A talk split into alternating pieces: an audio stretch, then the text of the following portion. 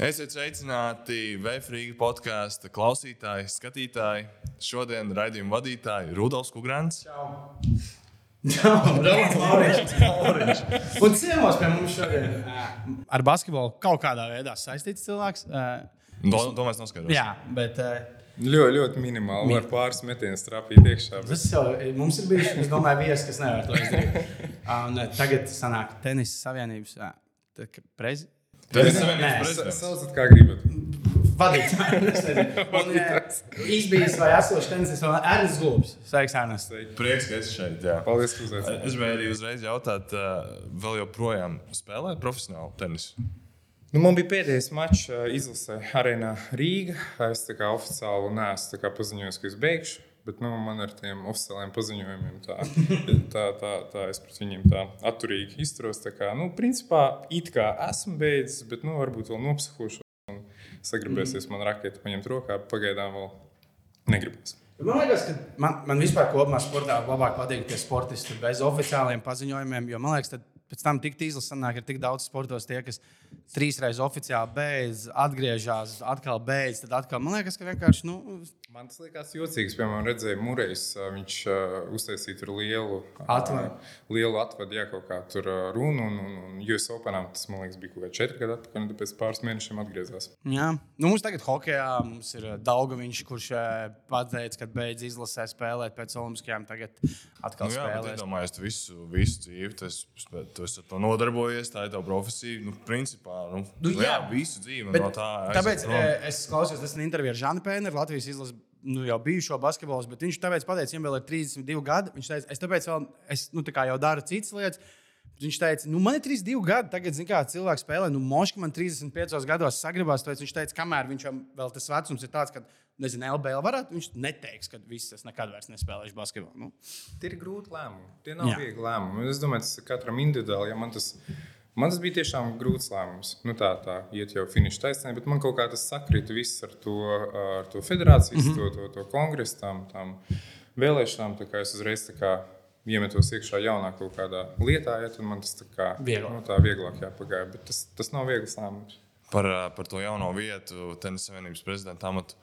Tā varbūt tās īsumā, kāda ir tā situācija šobrīd uh, Latvijas tenisā. Jo, ja mēs paņemam kaut kādus gadus, nu, es nezinu, desmit atpakaļ, tad mums bija, mēs jau bijām tenisa lielvalsts. Mums ir Ernsts Globus, mums ir Anastasija Sevastova, Aļona Stāpenko.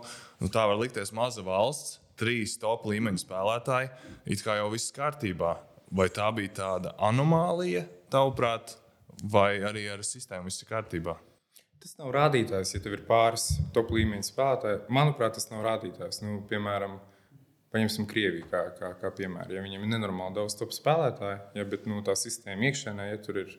Nu, es atvainojos, bet nu, viņi, ir, viņi ir bēdīgi. Ja tā kā nu, jebkuras tenisistu tu, tu parunāsi, ja, no, no turienes, ja tur nekad nav bijusi nekāda palīdzība, tad principā galvenais kā, mērķis visiem bija kaut kādā veidā atrast kaut kādu pie pirmās izdevības braukt uz ārzemēm, jau trenēties tur. Mums te līdzīgi bija.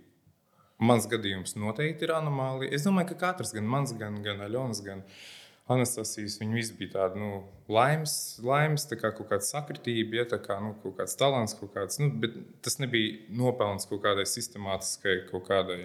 Kaut kādam darbam. nu, piramīdē kaut kādā kādā Nu, pilnīgi, pilnīgi nemaz. Jā, nu man vispār, nu mēs tur, ā, man vecāki taustījās tumsā, ja tur tikko vispār, tur, burtiski man mamma iemācījās internetā tur kaut ko, kaut ko meklēt, ja atrada akadēmiju Vācijā, ja kāpēc viņi atrada akadēmiju Vācijā, tāpēc, ka man tēvam tur bija kaut kāds, ne, kaut kāds ā, bizness, tur kaut kāda sakara, kur viņš īrēja kaut kādu dzīvokli, ja, kaut, nu, pilnīgi, pilnīgi sakritība, ja nebija, nebija kaut kā tāda sistemātiska tā kā pieejama, kā pieņemsim. Nu, Itālijā, tur, tur Austrijā, Vācijā, Amerikā, ka tu zini to, ka, ja tu būsi šajā sistēmā, ja, tad tev ir nu, diezgan liela varbūtība, ja tu daudz maz visu normāli darīsi, ja, ka tu kaut kādā līmenī spēlēsi. Tas gala rezultāts nav skaidrs, ja, bet nu, kaut kādā vismaz līmenī tas šeit, ja, ja tu būsi šeit mūsu sistēmā, ja, tad tev. Nu, Tev ir kaut kas jādara, tev ir kaut kur, kaut kur jābēg prom. Ja. Ir plāns izveidot tādu sistēmu Latvijā. Un tāpēc arī es iesaistījos. Tāpēc, nu, ka kaut kāda pieredze iekrājas, konteksts iekrājas ar, ar, ar pasaules, manuprāt, labākajiem treneriem. sadarbībā ar viņiem es gribu aicināt trenerus uz Latviju. Es gribu aicināt viņus uz pastāvīgu dzīvi uz Latviju, mm -hmm. tur, nu, un tādā veidā attīstīt, jo tā ir bāze visam. Ja, tas, tas, uh, tieši kā, apmācīt trenerus, ja, lai paceltu viņu vidējo līmeni, un tādā veidā, ja tu pieņemsim, būs tur viens vai divi augstāka līmeņa treneri, tad varbūt pēc 5, 10 gadiem, ja tev būs vēl 5, 7. Ja, un tad, nu, un tādā veidā, ja tev varbūt pēc 15, 20 gadiem, tev būs jau teiksim, kaut kāda kritiskā masa uz mūsu iedzīvotāju skaitu. Es nezinu, tur 20, tur, tur, tur pietiekami labi līmeņa treneri, ja, un tad mēs varam sagaidīt kos rezultātus. Līdz tam tas būs nu, tāda vecāku iniciatīva, sponsoru iniciatīva, kaut kāda nu, tur, kaut kāda tur. Jā.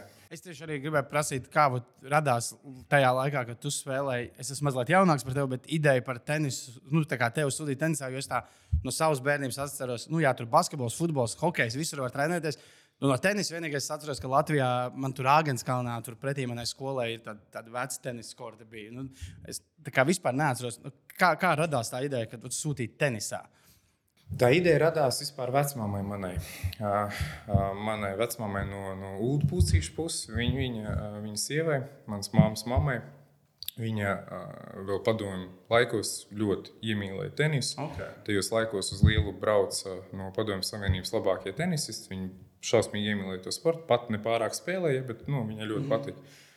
Un mēs viņu gājām, viņai bija dzīvoklis Simantā. Tad mēs gājām, tur bija tāda sieniņa, tur Zolotūdē viena siena, un mēs viņu tur gājām, spēlējām. Ja, tad es ņēmu mīkstās bumbas, mazās raketes, ja, un man bija tāds rituāls pie viņas. Es pie viņas pavadīju katru nedēļas nogali, no nu, piekdienas, sestdienas, jā, līdz svētdienas vakaram. Uh, Un, un, un man bija tāds rituāls, man bija uh, pa televizoru uh, spēlējuši Cartoon Network, tā es mācījos angļu valodu. Man bija mīkstā raketa, ka es spēlēju, ja, tad man bija uh, obligāti uh, kā bonus uh, nedēļas nogalē, man bija Nutellas burciņi, kur, no kuras es varēju paēst, un tad man bija zaldātiņi. Nu, tas tā tā rotēja, ja, pa šitiem četriem, četriem punktiem, ja, tad es tādā veidā iemācījos angliski runāt, ja, daudz maz kaut ko tādu. Intervāla treniņi. Jā, jā. Tā kā viss kaut kā, nu, šitā te un vecmam, vecmam bija tā iniciatora. Un, un tad uh, sanāca tā, ka tēvam bija uh, viņa bērnības draugs, paziņa, uh, tāds valsts ginters, tas bija mans pirmais um, treneris. Mm -hmm. Pie viņas aizgāja trenēties. Un arī kaut kādā veidā vecāki saprata to, ka varbūt man īstā vieta ir individuālajā sporta veidā, nevis komandu. Kaut gan tagad, skatoties atpakaļ, Es neredzu tādas beigās iezīmes, ka es nevarētu būt komandas spēlētājs, bet nu, tolaik viņi tā, viņi tā, tā sajūta. Un arī tā pieredze, kas bija man tēvam, basītī, man, man opim, basītī, ja, viņi tā kā, te, kad tu izgājies to garo ceļu vienā sporta veidā, tad tu redzi visas tās gan labās lietas, gan arī redzi tos visus mīnusus. Un tad tu gribi, gribi savam bērnam visdrīzāk kaut ko citu nedaudz. Tas pats, kā es, piemēram, izgāju to tenisa ceļu. Ja, Nu, es viennozīmīgi gribu, pieņemsim, lai man dēls un meita, ja, lai viņi nu, attīstās vairākos sporta veidos, lai viņi paši kā, mm -hmm. nu, mhm. pieņem lēmumu, kurā, kurā sporta veidā, jo nu, tur redz tos mīnusus savā sporta veidā. Ļoti interesanti. Jā, jo es gribēju, ja mēs pieskārāmies vecākiem, es gribēju parunāt par nu, no, tavs, no tēva puses, par, par tēvu un vecāku ietekmi, jo uztaisīšu nelielu monologu. Tēvs Ainārs Gulbis ir biznesmenis, SVH dibinājis un bijis tuvu SVH brocēnu. Izlabo mani, ja es kļūdos. Un es pats spēlēju arī basketbolu. Un, protams, vecstāvs, jā, Latvijas basketbola leģenda Alvils Gulbis. Bijis 3. un 4. pozīcijas spēlētājs, tāds uzbrukošais, uzbrukošais aizsargs. Un, Un, un, un, un, un no 55. gada līdz 64. viņš ir uh, ASK spēlējis. Nu, tajā laikā ASK ziedu laiki, protams, trīs reizes PSRS čempionu titulu izcīnījis un uh, trīs reizes Eiropas finējis un bijis PSRS izlasē. Laika biedri saka, ka uh, bijis ļoti efektīvi un ātri caurgājieni bijuši viņam, un uh, baigais čūlis bijis uz bumbu pārķeršanu. Un, uh, jā, tad viņš pēc ASK pārgāja uz Vēfiņu. VF Rīga meistara komanda un 6. gadā palīdzēs izcīnīt trešo vietu VF PSV čempionātā. Un pēc spēlētāja karjeras beigām viņš ir piecus gadus trenējis VF. Uh, vienā no ļoti retajām jūsu vecāku intervijām, tavu vecāku intervijām, uz to atļaušos. Jā, mēs jau sarunājām, uz to kā, jā, pirms tam ar tevi mēs galvenais nesarunājām. Tad mēs sarunājām, varbūt, ko uz to. Jā, paldies. Un viņš pats par basketbolu teica, jā, kas tajā spēlē tik īpaši to gan nevar pateikt. Mīlestību jau ar vārdiem nevar aprakstīt. Kādas ir tavas attiecības ar basketbolu? Un tu jau, at, un tu jau atbildēji uz manu otro jautājumu, ko es gribēju prasīt. Vai tu kādreiz esi bijis izvēles priekšā basīts vai tenis?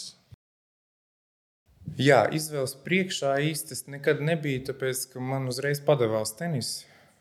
Un es sapratu, to, ka es kaut kā baigi agri sapratu, ka principā es varu spēlēt diezgan labā līmenī. Es nezinu, mm -hmm. tas kaut kā zemapziņā notika vai kā, bet es atceros, tur tie pirmie vēl uh, Latvijas turnīri. Es atceros, mēs Kronvalda bulvārī tur spēlējām. Un, un, un, Man kaut kā tāda pilnīga pārliecība, jā, ka es noteikti visus viņus vinnēšu. Kaut gan es viņiem visiem tur pakāpstu vienkārši pa nulēm, ja tos pirmos mačus. Bet kaut kā tāda pārliecība. Kad ar laiku varēs. Nu, kaut kāda, neskapēc, tāda, tāda pārliecība bija. Tāpēc tāda izvēles priekšā es nebiju. Man vienmēr patika spēlēt uh, futbolu un basīt uh, brīvajā laikā, bet uh, kopumā tenis viņš tev attīstīja. Uh, Es negribu baigi reklamēt tenisu, ja, bet nu, tā sanāk, ja, bet tenis patiešām viņš tev attīstīja ļoti daudzpusīgi. Ja viņš tev tā fiziskā sagatavotība, tev viss ķermenis ir ļoti mm. uh, paliek koordinētāks. Ja, tas, ir, nu, un, un tas nav tik bīstams sports veids kā, kā futbols vai basīs. Tomēr kontakti ja, tenisā tās traumas ir nu, savādākas, viņas ir mazākas. Ja, bet uh, viņš to ļoti labi attīstīja. Izvēles priekšā es nebiju. Runājot par vecstāvu, es atļāvos paņemt līdzi Tas bija viens man tāds uh, iedvesmas uh, brīdis, kad man liekas, man palika kaut kāds 16 gadi. Man vecāks speciāli atbrauca pie manis uz jūrmālu un, un, un iedeva man tādu mazu talismanu, respektīvi viņa medaļu, zelta medaļu čempions, PSRS čempions 58. gada tieši. Wow. Respektīvi viņa uzvārds ir, jā. Viņš man iedeva un, kā, un es no tā brīža, kā man nav. Tāda... Viņiem pat sporta medaļas bija tādas militāras. Jā, nu, tādas jā, jā. jā. Oh, wow. Nu, jā, un, un, un šis tas kā man talismans, yes, kur es, kur es uh, vienmēr braukāju kopā. Viņš vienmēr man ir. Ar visiem turnīriem, nu visur. Jā, jā, jā nu man ir tādi daži tādi mani. Uh, Mm. Kā lai to pasakā, spēka. Kaut kā varbūt tās nofočēsim, varbūt tās mēģināsim iemontēt šajā podkāstā. Nu, to izdomāsim, bet lai arī skatītāji redz, jo šis ir ļoti interesanti. Jā, un man ar vecāku bija ļoti interesants attiecības, tāpēc ka Es viņu vienmēr uztvēru kā tādu ļoti viedu, ļoti pieredzējušu, mierīgu, pašpietiekamu cilvēku, kurš nekad neuzbāzās ar kādiem liekiem padomiem. Mm -hmm. Un man liekas, ka tas, tas nāk ar tādu, ar tādu viedumu un dzīves gudrību. Ja tu pats esi izgājis kaut kādu ceļu, tīpaši profesionālā sportā, tu saproti to, ka nevienmēr dot padoms ir, ir, ir pareizi. Tīpaši cilvēkam, kurš tur sitās cauri, ja kaut kā iet savu ceļu. Ja, Un tu nu, nevienmēr dot padomus ir, ir, ir, ir, ir labi. Tīpaši par daudz, jo tu vari vēl vairāk viņam saprotot galvu. Man tā attiecība dinamika bija ļoti interesanta, tāpēc ka man bija vienmēr ļoti labas attiecības un tūs attiecības ar savu tēvu un viņam attiecīgi ar manu opīti. Un vienmēr kā, man tēvs kā, nodeva no opīša nu, kaut kādas ziņas, ja, bet kaut kā nu, izfiltrējot, kā, jo es ar tēvu biju ikdienā kopā, ja, nu, kā, lai tas kā, palīdz manai karjerai. Nu, tā attiecība dinamika bija tāda interesanta tajā ziņā. Starp citu, par tavu vecāku, tad es nesen klausījos, tagad um, Valdes Valders ik pa brīdim taisa kaut kādas vēstures lapas puses video, kur viņš nu, skatās, atskatās uz Latvijas vecais Rīgas dāmu. Tā kā viņiem bija tieši par veco VF, es aizmirsu, kas no kaut kādiem tādiem vecākiem basketbolistiem. Viņi abi nonāca pie secinājuma, ka, lai cik izcils uh, Alvils bija kā, kā basketbols un viss, bet kāpēc viņš bija treneris tikai 5 sezonas, tad viņi saprata, ka viņam kaut kas pietrūka, lai būtu labs treneris ilgtermiņā, bet viņi nevarēja saprast, kas bija tas, kas viņam kā trenerim pietrūkst. Varbūt tas, tas ka viņam nepatīk tos daudz padomus dot. Un es nezinu, kā tev liekas, kāpēc viņš treneris bija tikai tā kā, tā, profesionālajā tajā VFA 5 gadus, tikai nevis tur ilgāk. Es nezinu, kāpēc viņš tur bija 5 gadus vai ne ilgāk, vai es nezinu, vai viņš bija labs treneris vai, vai, vai nē. To, to, to es nemācīšu komentēt. Bet ja pastāstīs viņa intervijas, dažas mm. no, no, no, no tām retajām intervijām, tad man liekas, ir viena vai divas tikai pēdējos 30 gados. Jā, un, un, un tur viņš arī saka, viņš, tiksim, tā, viņš komentē kaut kādu mūsdienu, mūsdienu basketbolu. Ja? Uh, viņš tā kā saka, ka nu, trenerim bieži vajag ļaut spēlētājiem spēlēt. Tev vajag, tu vari būt, nu, droši vien, ka ir vairāk tipi ar jā, treneriem, kā, kā teiksim, trenē, ja, bet uh, ir teiksim, tādi, kas tur pasakā tā un tā, un, un, un tad nes soli pa labi, pa kreisi, un ir tādi, kas tev dod kaut kādu brīvību, lai tu pats caur to savu procesu, caur to savu pieredzi atrod tos risinājumus. Un tad, ja tu pats viņus esi atradzis, tad tev viņi daudz dziļāk iesēdīsies, mm -hmm. tu viņus pats būsi atradzis. Ja nevis, ka tev vienkārši paplāts atnes risinājumu, tu būsi teiksim, tā kā, tāds nu, nosacīts robots, kas vienkārši izpilda kaut kādas lietas. Tad, tad izklausās, ka viņš vienkārši bija treneris nepareizā laikā, jo tas izklausās pēc kaut kā tāda ko tagad diezgan mēdz piekopt basketbolā. Nu, kad ir tāda brīvība, tā māksla, kad, bet tomēr man liekas, ka tajos laikos, tajos padomju laikos bija, liekas, ka trenerim vajag būt tā, tu dari tā, tā nu, ka tur neļāva, man liekas, tiem spēlētājiem tā, ka moška tas vienkārši nepareizā laikā trenēja. Jā, bet Harijs Vitālins atkal izteicās iepriekšējā podkāstā, vēl iepriekšējā podkāstā, kad nu, Padomju Savienībā jau nebija baigi attīstītā tos visus tie zīmējumi un tā tālāk. Ja, nu, viņiem pašiem likās, ka bija. Tā, likās, ka bija jā. Jā. Bet vēl paturpinot par basīti, es skatījos vairākas intervijas, uh, YouTube ir visādi izgriezumi. Es teicu, ka nu, tā, ir tāds sajūta, ka jūs spēlējat ar, ar citiem tenisistiem, pick-up basīti starp, nu, starp mačiem. Un, simulējam, jā, jā. un kaut kādas sodiņas arī tur 18 kārtas varat iemest. Nē, nu es, es spēlēju normāli. Ja, kā, nu es patiešām, ja man ieliks iekšā kaut kādā. Uh, Piemēram, krāsa mačā, tenisa savienības spēlē. Pusamatieru kaut kādā tādā spēlē, es noteikti nebūšu tas, tas sliktākais. Es spēlēju normāli, man ir fiziskā sagatavotība, viss ir ok. Bet vai tas trenējas basī? Nē, nē, nē, nē, nē, nekad, nekad. Tas ir tā dabiski, vienkārši nācis. Tad... Vai tu nu, spēlēji daudz vecākā? Ar, ar, ar tēvu kaut ko spēlēju, viņš man tur pamācīja, ko tehniku, ja ar klases biedriem spēlēja. Nē, nu, basītis normāli spēlēja, futbolu spēlēja labāk basīt normāli. Bet vien, vienreiz bija tāda interesanta, es pastāstīšu vienu vien, vien stāstu. Mēs bijām, man bija off-sezonas treniņi, mēs viņus taisījām Miami, Amerikā. Mēs vienmēr tur, tas vienīgais laiks, kad tenisistiem ir off-season, tas no novembra vidus līdz janvāra sākumam, tad bija jābrauc uz Ameriku, uz Austrāliju. Un mums sanāca tā, ka mēs bijām vienlaicīgi Miami kopā ar Kristofru Valteru. Mēs tā kā ar viņu nebijām tur super tur pazīstami vai kā, bet kaut kā mums tur kopēji pazīstami. Mēs reizēm uz kādām vakariņām. Ja? Un kaut kā sanāca mums aizbraukt pie viņa, kur viņš dzīvo. Tur bija Kristofers. Kristaps jā, viņ, viņš, viņš, viņš, jā, jā, jā, viņš, viņš man liekas pārvācās, bet Kristaps tur bija uz, uz vienu off-season arī. Mm -hmm. Un tur bija uh, viens basīšu laukums, mēs vakar aizgājām uzspēlēt basīti. Un, nu, man liekas, ka es tā kā normāli spēlēju, nedaudz piezemēju. Un tur, tur bija tā, ka tur bija uh, uh, kaut kāda nu, desmit tādu ritīgi lielie, tur viss vis tur. Uh, kas tur spēlēja. Nu, parka, kā, parkos, parka, jā, jā, jā. Un, un, un tad mēs atnākam. Tur bija es. Ah, vēl bija, mēs taisījām off-season kopā ar Kāru Līnieku. Viņš mm tur ir Loka ģenerālsekretārs. Mēs tur bijām kopā trenējāmies. Tur bijām mēs. Kristaps bija. Man liekas, vēl tur kāds bija. Un, un, un tad mēs spēlējām tos, to, to, to maču. Un Kristaps apspēlēja pilnīgi visu pretinieku komandu, bet tur Džeks spēlēja nu, trīs līmeņus augstāk par mani. Ja, kā, viņš vienkārši pilnīgi viņš Viss, viss izdarīja. Ja, un tad tu saproti, ja to, to, tad es pirmo reizi sapratu ja, to, nu, to, to, to milzīgo starpību. Jo man likās, ka, ok, varbūt, pieņemsim, basītī un futbolā tā starpība varbūt nav tik milzīga. Jo tenisā viņi ir milzīgi. Tenis ir ļoti tehnisks sports mm -hmm. veids, ja tu, pieņemsim, netrenējies tur gadu vai divus, tu vispār bumbu nevarēsi trāpīt. Tu negūsi baudu no, no tās spēles futbolā, pieņemsim, tu tā var gūt baudu. Ja uzspērt, ir, var. Tu vari uzspērt, tu vari izskriet, ja kaut kā, ja tev, nu, normāli, ja tev ir normāla fiziskā sagatavotība, ja tad daudz maz arī, mm. nu, uh, un tas ir arī attiecināms par to, mēs, piemēram, runājam, es, es, es prasīju padomu, uh, viņš arī pie jums ir bijis Kaspars Gorkšs tieši par futbolu, ja kad viņš sāka trenēties futbolā, viņš sāka trenēties. Uh, liekas, tur 9, vai 10, vai 11 gadu vecumā. Kā, man liekas, ja tu tenisā sāksi trenēties tik vēl, ja tad tev šāds vispār nav. Yeah. Nu, tev ir jāsāk daudz agrāk, ja tu pēc tenisa daudz mm -hmm. tehniskāks. Futbols jau un basīti jau arī ir līdzīgi. Nu, basīti ir daudz kas ar fiziskiem. Gan NBA, gan Eirolandā spēlē čāļi, kurus 16 gados atrada. Nu, vēl, yeah. tāpēc, ka viņiem visi, tāpēc, ka tur tās pozīcijas var jau atrast laikam. Bet es par to līmeņa atšķirību arī mums VF podkāstā atkal, lai saprastu, ka tas vēl ir dažādāk. Mums VF podkāstā bija Žants Pēners pirms laika, un viņš vasarā spēlēja pick-up games ar porziņu, un, tā, un tad viņš paņēma savu draugu amatieru. Nu, viņam pietrūka cilvēks, nu, labi amatieru. Tas amatieris teica, wow, jūs man esat kosmos. Bet es skatījos, ko ar jums dara Kristaps Porziņš. Un viņam viņš ir tā kā, nu, man jūs, tā kā tur ir vēl tajos nākamajos līmeņos. Jā. Ja neskaidrs kartonu network, tad ir bijis kaut kāda elka bērnībā. Nu, tā tenis. Kartonu network daudz elka. Okay.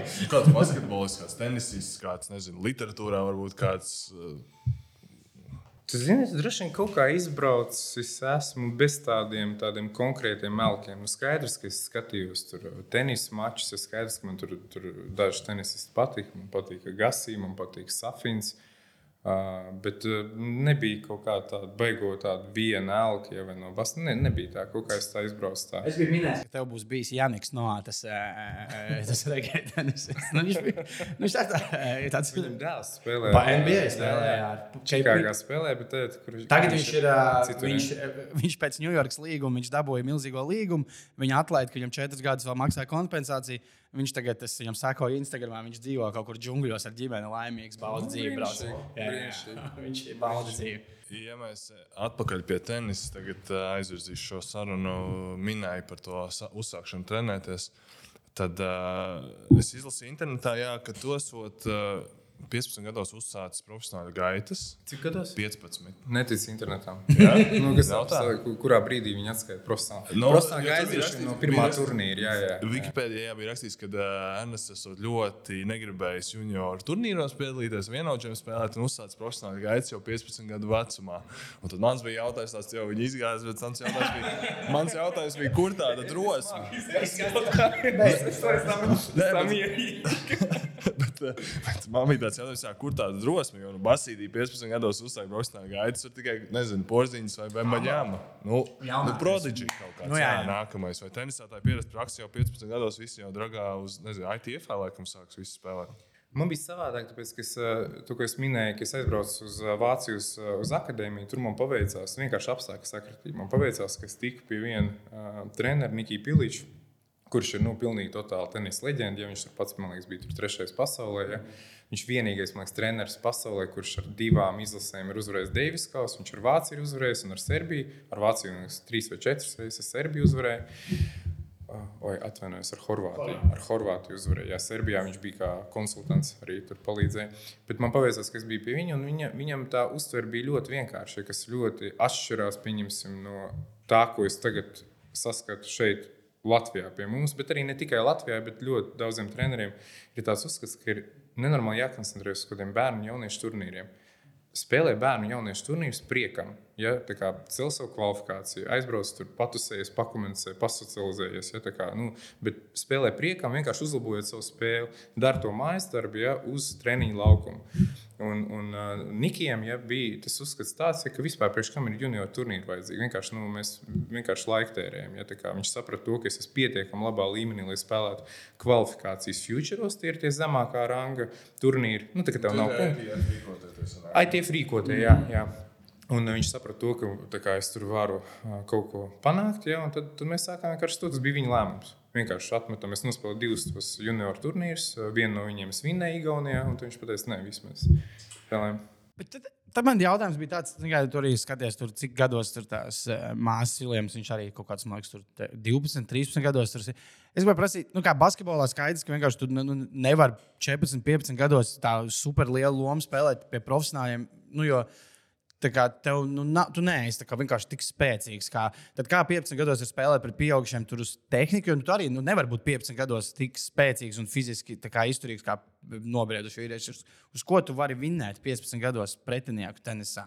Es sāku spēlēt tos futures, man bija tuvāk nu, kaut kur 16. Okay. Tur jau tā kā 15, jā, tur, un, un viss ir atkarīgs individuāli. Ja tur viens tur uh, izaug tur jau 14 mm gados, ja tur uh, es man liekas, izaugu tikai kaut kādos tieši kaut kādos 14, 15 gados. Mm -hmm. Varbūt nedaudz agrāk, tad man viss ir saputrojies ar tiem gadiem. Tik daudz laika ir pagājis, bet es vienu gadu izaugu tieši par 20 centimetriem. Ah, okay. Sākās problēmas ar šlāteri. Tā kā nu, tam procesam jāaiziet. Un, jā, jā, jā, un tas, tas arī bija viens no tādiem, par ko es esmu ļoti pateicīgs saviem vecākiem, ka viņi saprata to, ja, ka tajā brīdī jānostopē.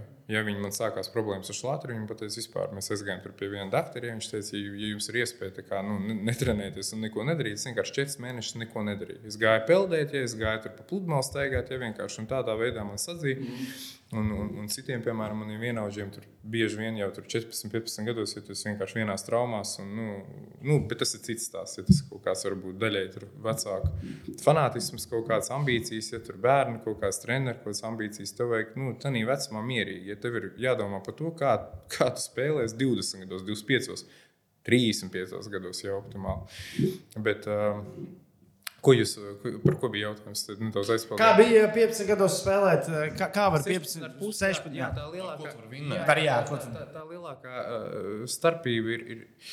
Principā tagad jau tas vidējais vecums tenisā viņš ir no apmēram liekas, 27 gadi. Ir top, Tāds zelta laiks. sākās. Apmēram 27 gadi. Jā, agrāk viņš bija daudz jaunāks. Agrāk, ja jūs skatāties vēsturē, tad Čangs, man liekas, vinnēja tur Rolands Garos. Man liekas, viņam bija 15 vai 16 gadi. Mm -hmm. Bekers 17 gados Wimbledon. Tagad, nu, praktiski man likās, ka tas ir nereāli. Alkaras tagad pierādīja Alcaraz, nedaudz, jā. nedaudz pretējo, ja, bet nu, viņš ir. Nu, Viņš ir jau vīrietis, ja pēc savas uzbūves. un viss. Man liekas, ka tas ir nereāli. Bet tas arī zināmā mērā ir saistīts ar to, ka nu, tie vecie top džeki, ja, viņi nedaudz nodeva savas pozīcijas. Ja, būtu, pieņemsim, ja tur ir Grand Slamā jāvinē Rodžers, Rafa un Novāks vienā turnīrā, 5 mačos, ja, nu, tas ir praktiski nepaceļams uzdevums. Mm -hmm. ja tas, ir, nu, tas sanāca tur pēdējos 20 gados, ja tur pāris cilvēkiem tikai. Tāpēc, nu, tenisā, jā, tas ir, tas ir, protams, nedaudz savādāk nekā basītī, bet, nu, jā. Es vēl jā, gribēju arī pārzīt to sarunu pēc tam par, par tituliem un par sasniegto, bet pirms tam vēlreiz atļaušos citēt pēdējo reizi apsolā. Internetā. Jā, jā jūsu, jūsu sastāvā Alvila teiktais vienā no ratajām intervijām. Tad viņš esot teicis par tenisu tā, savam priekam un veselībai arī es esmu spēlējis tenisu, taču man šķiet, ka tik augstā līmenī tenis ir necilvēcīgs sporta veids. Kā tu domā, ko viņš ar to ir domājis? Jo tas, nu, tas augstākais līmenis ir tas, kur tu biji. Kāpēc tas ir necilvēcīgs sporta veids, tenis?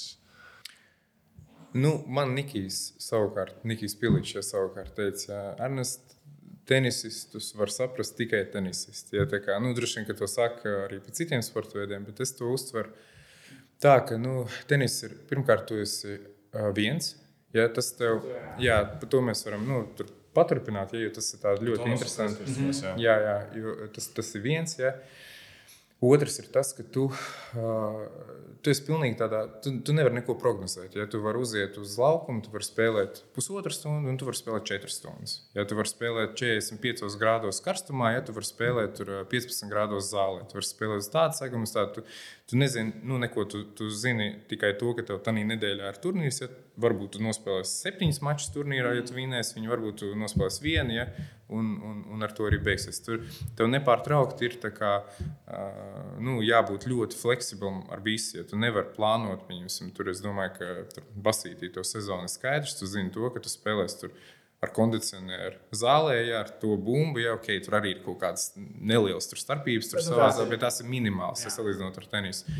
Un, un, un tenisā tas, ka tu vienkārši to slodzi, tev ir ļoti grūti uh, arī nu, kaut kādā veidā trenēties, tāpēc ka uh, Tu vari nospēlēt pusotru stundu, bet tev tāpat jābūt gatavam jau uz 5 stundu maratona mačiem. Nu, tāpēc tādā veidā, tādā ziņā, es domāju, ka Jā, es tieši tā domāju, visur citur. Es tieši tā domāju, nu, nav tik, nu, tā kā F1. Tu zini, ka būs jābrauc tur pie 7 apļu vai golfā ar 18 bedrītes. Iznāk par vēl vienu lielo servētāju, tad tie mauc savu Jā. pazūd. nu, labi, tas ir. Un, uh, labi, iesim. Tad, nu, kur tad mēs, ja mums ir Ernsts, tad mums ir jāpiemina arī sasniegumi noteikti. Tad uh, karjeras laikā izcīnījis 6 ATP 250 tituli.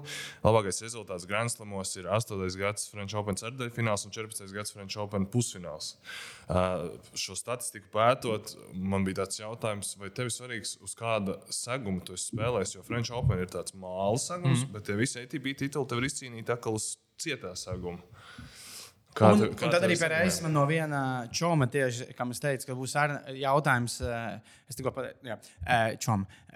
Un arī tad pastāst tiem, kas varbūt tik daudz nestāsta tenisu, eh, un arī, kad, nu, kas ir tās galvenās atšķirības eh, spēles, nezinu, ātrumā vai niansēs, nu, kad tiem segumiem. Jā. Man principā bija vienalga, uz kuras segumu spēlēt. Tā vienkārši sanāca. Tā sakrits ir, ka es tur vairāk turnīrus vinēju uz Hārdu un, un man liekas, vienu tikai Nicā uz māli. Ja, bet man tikpat labi patīk arī spēlēt uz zāles. Vienkārši, uh, Man, manā karjerā tur, uh, tas būtu pilnīgi atsevišķs podkāsts, daudz garāks. Ja tad varētu izcīnīt katru manas karjeras posmu, ja tur bija ļoti daudz nianses. un tā. Tas ir, nu, tas ir patiešām tāds Mēs garāks- redzējām. Tas, jā, pasakojām. tas, tas, tas tāds garāks stāsts. Ir. Bet uh, man bija vienmēr svarīgāk, tā kā, kādā es esmu fiziskā sagatavotībā un kā es spēlēju. Jo tas segums, kā es vienmēr varēju atrast, nu, jo man tā spēle. Viņa uh, varēja būt gan laba, gan uz ātrā seguma, gan uz lēna. Un, un tur jau arī, ja piemēram skatās par māli, ja, tad uh, Parīzē, piemēram, ļoti ātrs māls. Bumba atlec augstu, ja viņš ir ātrs, bumba ir dzīve. Ja, kā, mm -hmm. nu, kā mēs to saucam.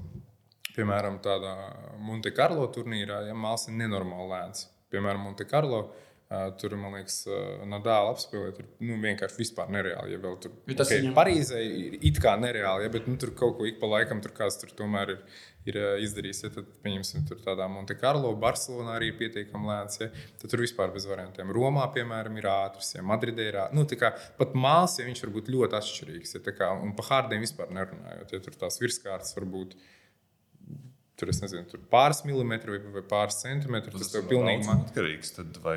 Nu, tas ir virsējās kārtas. Arī, arī no apakšas. Ja, nu, pareizi, kā viņi tur ATP tur liek tos uh, segums, parasti ir betons, kaut kāds tās kartona plāksnes, un tad virs, virskārta, ja, kur, kur attiecīgi maina to ātrumu un bumbas atliecienu, augstumu un tā tālāk. Bet tad, tad ne, nu, Hārts ir visātrākais laukums, ja? un māla ir vislēnākie. Nu, nē, nu, tā. Nu, tā agrāk tā varēja teikt, tad tagad īsti tas ir atkarīgs ļoti no vietas, no bumbām, arī okay. no laikapstākļiem. Ja, pieņemsim, ir saulaina nedēļa, ja tad Parīzē nu, ir nenormāli ātri. Daudz ātrāk nekā uz kaut kāda hārda laukuma, ah, okay. kaut kāda zālē. Tāpēc nu, ir daudz nianses. Vimbldonā, piemēram, vispār tur ir Tur principā katrs korts ir nedaudz savādāks. Ja tur pieņemsim centrālais laukums un korts numur viens, jau uz viņiem vispār visu gadu garumā neļauj, neļauj nevienam spēlēt. Tur viņi viņu sagatavoja, tur ir jumts, ja, un tur nedaudz tā zāle savādāk aug. Un, pieņemsim, ir viens tas laukums, es neatceros, kurš tas bija, man liekas, otrais vai trešais laukums.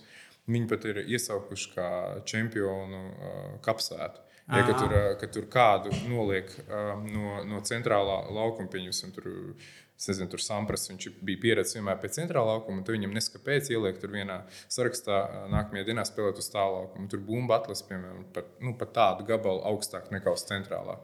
Man bija viena, viena, viena, viena, viena pieredze tāda, man bija, ka es, man liekas, vinnēju Berdihu uz pirmā vai centrālā laukuma, man liekas, tur bija 76, 76, 76. Un tad man pēc divām dienām bija jāspēlē pret Verdasko uz tā tur laukuma, ja tur bumba atlec, nu, nepārspēlēt pa metru augstāk. Un tev vienkārši pilnīgi cits tenis. Klau par, par uzvarām. Daudzi, tev, tavs laika vienaudzis, tavs karjeras laikā bija Rodžers Federers. Daudz cilvēku ir lauzījuši nevis cilvēku, bet spēlētāji noteikti lauzījuši galvu, kā viņu vinēt, uzvarēt. Tad jums no piecām, no pieciem mačiem, tu esi divreiz viņu pamanījies uzvarēt. Vai ir kaut kas tāds, ko tu zini un ko citi nezina? Kā var Federer vinēt? Nu, man karjeras laikā viens no tā tādām, tādām statistikām, par kurām es droši vien lepojos, ja tā var teikt, ir, ir tas, ka es esmu uzvarējis gandrīz visus top spēlētājus, izņemot Nadālu. Nadālu, jā. jā, Nadālu man vienmēr bijuši tuvi. Ma, nu, nevienmēr, bet nu, dažreiz tur Indiāna Velsais viņu varēja vinēt. Un, un, un, nu, jā, nav būtiski. Bet uh, Mūrējs es vinēju, Džokovičs vinēs un Rodžeru Rodžeru divreiz.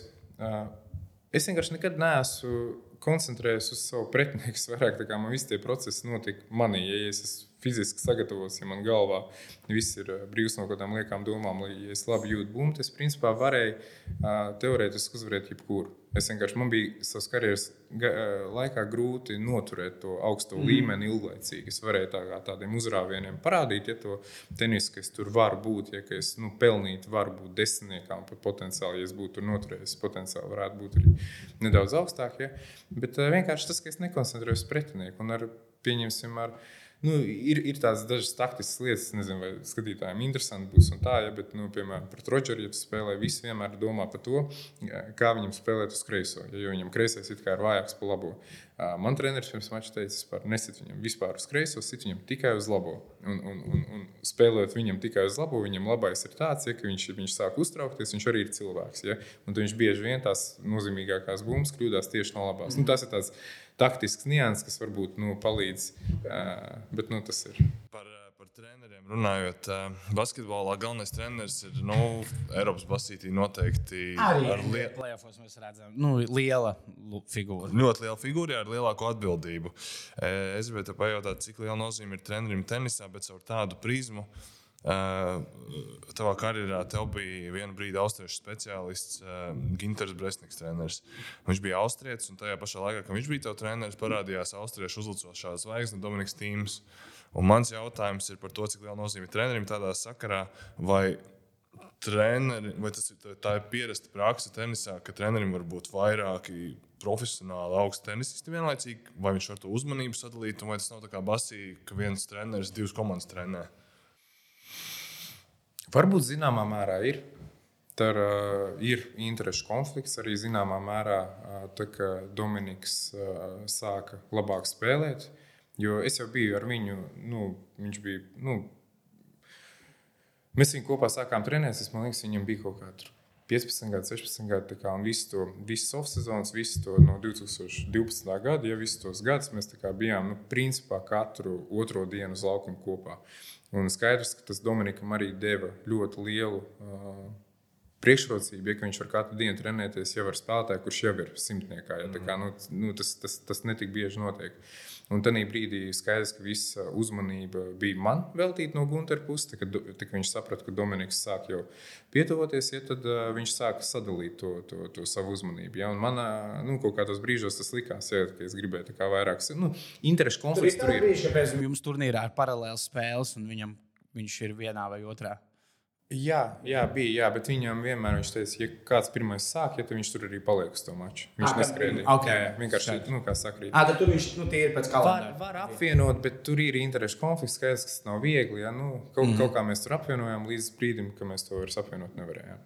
Tā ir pierasta praksa? Vai tas bija? Nē, tā nav pieraksts. Nē, nē, nu, nē. Pārsvarā, ja tu esi treneris, tev ir tā kā, nu, tur pasaules tūrē ir viens sportists. Nu, Jā, nu, tur katram tenisistam tur, no, no, no top tur viņiem ir sava komanda. Ja savs fizioterapeits, mm -hmm. ja savs uh, fitnes treneris, savs uh, tenis treneris. Ja, nu, tur ir daži treneri, kas tur apvienoja, bet tad attiecīgi. Tad uh, spēlētājiem ir jāsaprot, ka viņi nedabūs no pilnīgi simtprocentīgi viņa laika, ja, bet to dara bieži vien dēļ, uh, nu, dēļ arī dēļ izmaksām. Mm -hmm. Tāpēc, ka, nu, ja tu vari pieņemsim samesties, ja tur jau visas izmaksas tenisistiem ir uz sevi. Arī Ja, treneri Vies, viesnīcas treneri, visas ēšanas, ja viss, ja, un, pieņemsim, ja tu esi tur top 20 spēlētājs, ok, tu vari nodrošināt tur trīs cilvēkus komandā un braukāt ar viņiem. Bet ir lieli cipari. Mm. Trīs cilvēki, ja pa visu pasauli izlidot, ja visas biļetes, visas viesnīcas, ja visas ēšanas, plus vēl algas. Plus vēl algas. Bet, uh, Tos apziņā dažreiz var redzēt, tad, kad, kad Aļonai iet labāk. Tad viņai tribīnēs ir māma. Kad Aļonai iet sliktāk, tad tribīnēs māma nav. Tad viņa ir mājās. Nu, jo tas ir pašai. Jā. Nu, Es nedomāju, ka tas ar to ir saistīts. Jā, es domāju, ka viņas tur nu, kaut kā pa savam tur izlems. Nu, nē, bet, nu, tas varētu būt tā, kā, hei, tagad bija bijis sliktāk ar tiem honorāriem. Nu, ne, nebrauks līdzi uz Miami māmu uz divām nedēļām. Bet, um, bet tajā spēles laikā pašā tas treneru darbs tenisā jau ir. Nu, Pirms turnīriem. Nu, spēles laikā viņš neko nevar. Var kaut ko ietekmēt, kaut ko tiešām tādu nu, dot tādu Te mēs, palīdzību. te mēs atgriežamies pie tā, ka tenis ir ļoti vientuļš sports.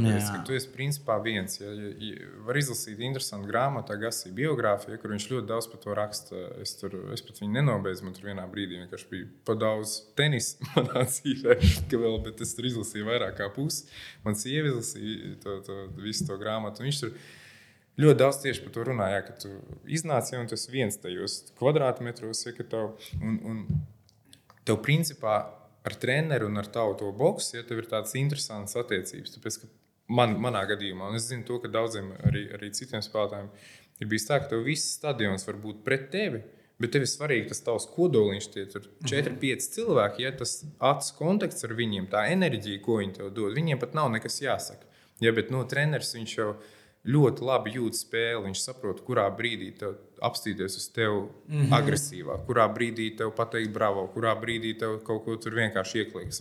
Un tāda nemitīga ir komunikācija kaut kāda. Jo spēlētājs pēc likuma, jau pēc noteikumiem, viņš var runāt ar savu boxu. Treneris kā tagad, tagad viņi pamainījuši tos noteikumus, viņi tur kaut ko testēja, ka treneris arī varēs komunicēt ar spēlētāju. Bet tu vari, tas, tas tā ir tā vienīgā tā, tā, tā, tā nocija, kā tu vispār no tā savu kvadrāta, ja no tās savas vientuļās pasaules ar kaut kā ar ārpasauli kaut kā komunicēt Pirms spēles, kad ir pats pēdējais brīdis, pirms spēles, kad jūs gardrobēs, lai nāktu uz spēli, tajās gardrobēs drīkst būt treneris. eh? Drīkst, drīkst. Tur drīkst būt, jā, pirms spēles. Okay, jā. Katram jau ir savādāks pieejams. Ja tur eh, daži ļoti koncentrējas uz kaut kādām taktiskām lietām, ja dažiem tur ir svarīgi kaut kā nodot kaut kādu emocionālu, kaut kādu pareizo mm -hmm. Uh, manam trenerim Gunteram, tieši ja mēs Brezniku runājam, šīs lietas vispār nebija svarīgas. Ja, tāpēc mēs sapratām to, ka, ja mājas darbs ir izdarīts, ja ir labi treniņi, ja ir tīri sitieni, ja ir laba tehnika, ja, tad vispārējais, mm. nu, viņš arī ticēja tam, ka mm, es ar savām nu, kaut kādām tur iekšējām spējām spējuši atrast risinājumus kaut kādām problēmām, kas būs uz, uz korta. Jo tu nekādīgi nevari uh, sagatavoties treniņu procesā. Momentam, pieņemsim, tu spēlē pusfinālā tur Roland Garasā, ja, un pie 5-5, 5. setā, 30, 40 tavs servis. Kā tu tam sagatavosies? Mm. Kā tu tam mentāli sagatavoties? Tu tam nevari sagatavoties. Vienīgais, kā tu, kā tu tam vari sagatavoties, ir būt šajā pozīcijā 5, 10, 15 reizes. Tāpēc ir nenormāli grūti vinnēt tos top džekus tajās, tajos momentos, bet viņi jau tur bijuši jau 20 reizes. Mm -hmm. ja, kā, tad, tev, tam jāizsit tās cauri, lai tu tur regulāri esi. Kā, nu, Nu, pirms mēs ejam jā, par bāzi, baigi labi jau sākām runāt par to mentālu. Labi, tad arī turpināsim. Ne, pa, es gribēju pajautāt, ka vien, ja mēs par tiem lieliem turnīriem tuņiem, es gribēju pajautāt, no, pirms, nu, tā būs tā cita tēma par vēl tādu tenisa pasaules tūri, no tiem lielajiem Grand kuros. Uh, nu, Wimbledona ir tā nu, vislielākā atmosfēra, tas eh, svētki tur apkārt. Tā ir Wimbledona, ir tas eh, pats, kur visforšāk ir atrasties un izbaudīt to kā sportistam, vai tā līdzīgi. Jebkur.